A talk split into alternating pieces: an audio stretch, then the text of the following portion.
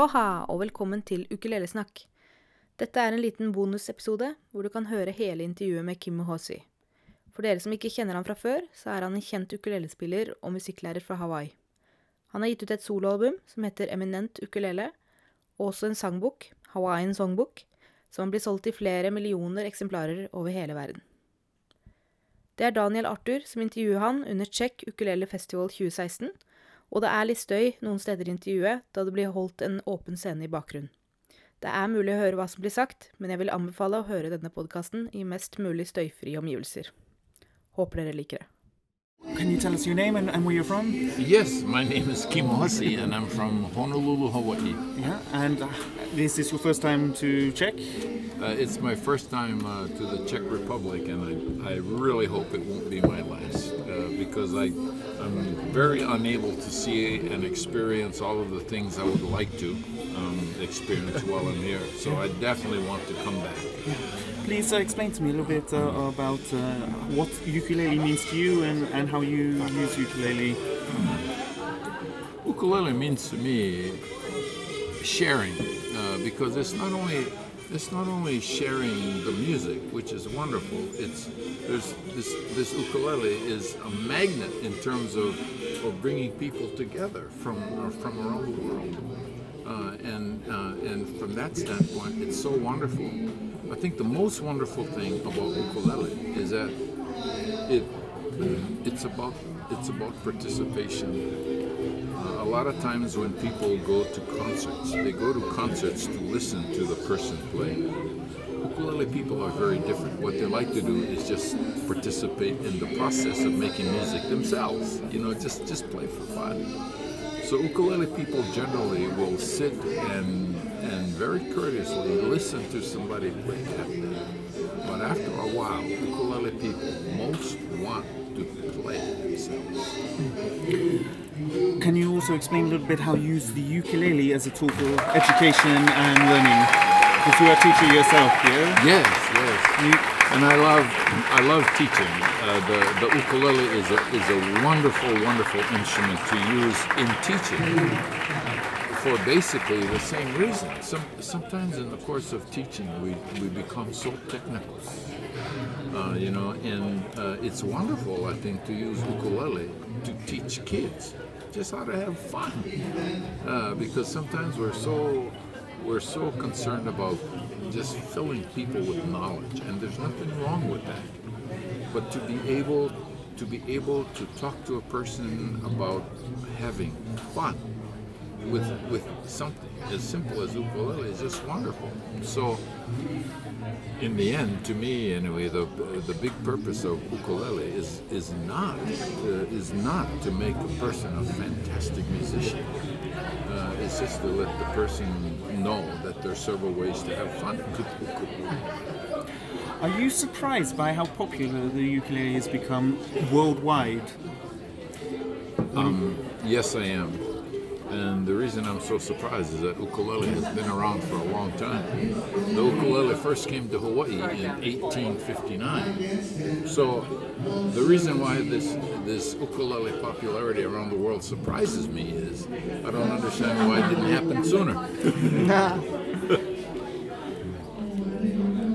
We're lucky to have uh, another ukulele revival. It's been up and down, uh, I think, in, in its history.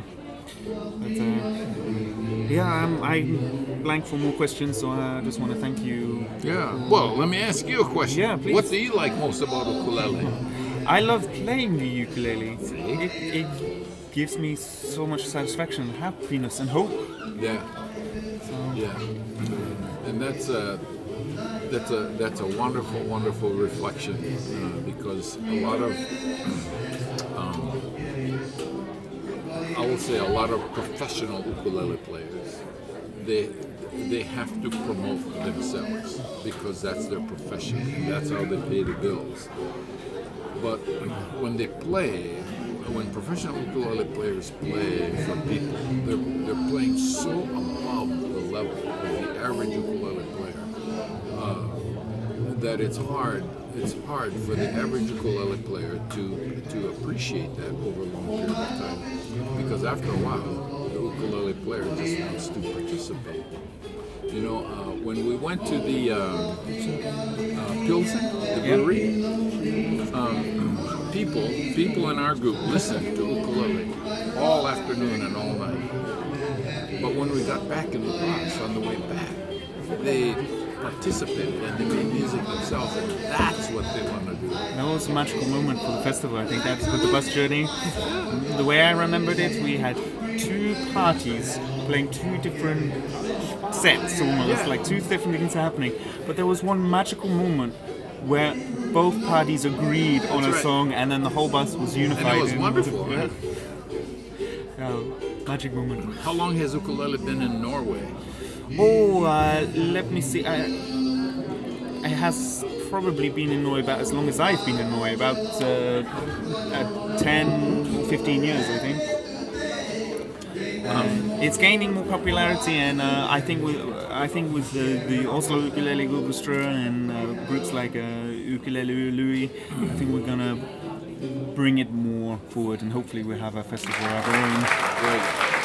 One of the things I really love about ukulele is just sharing ukulele with with uh, with anybody, and I'm very involved in this. So if there's anything that I can help you do uh, to help share ukulele in Norway, please let me know. I'd, I'd love to do A that. wonderful offer, and uh, we'll sh- be sure to have your contact and keep Great. keep in touch with it.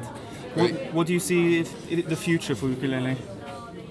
I hope that in the future, the, the in the future, ukulele is just like it is right now, which is people just enjoying. Because you know sometimes, um, well, actually, I, I I also hope in the future that one of the things that ukulele people will do is to become more familiar with um, high quality ukuleles. The ukuleles that people play now are wonderful ukuleles. Uh, but the Chinese have made so much of those and flooded the market so much that all people know is that uh, is that um, you know an ukulele uh, shouldn't cost any more than about 50 or 100 bucks or 150 bucks, and they're great ukes, but people don't know what else is out there.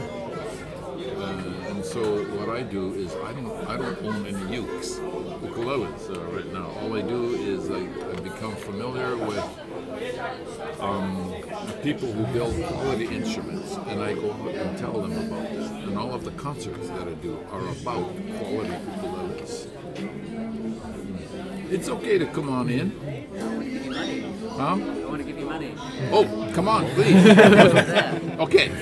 All right, Ki- Kim, Okay. Kimo Hussey, uh, thank you very much. I'm looking forward to your concert Yeah. later, and your Okay. watch is fantastic. Great. Aloha. Okay. aloha.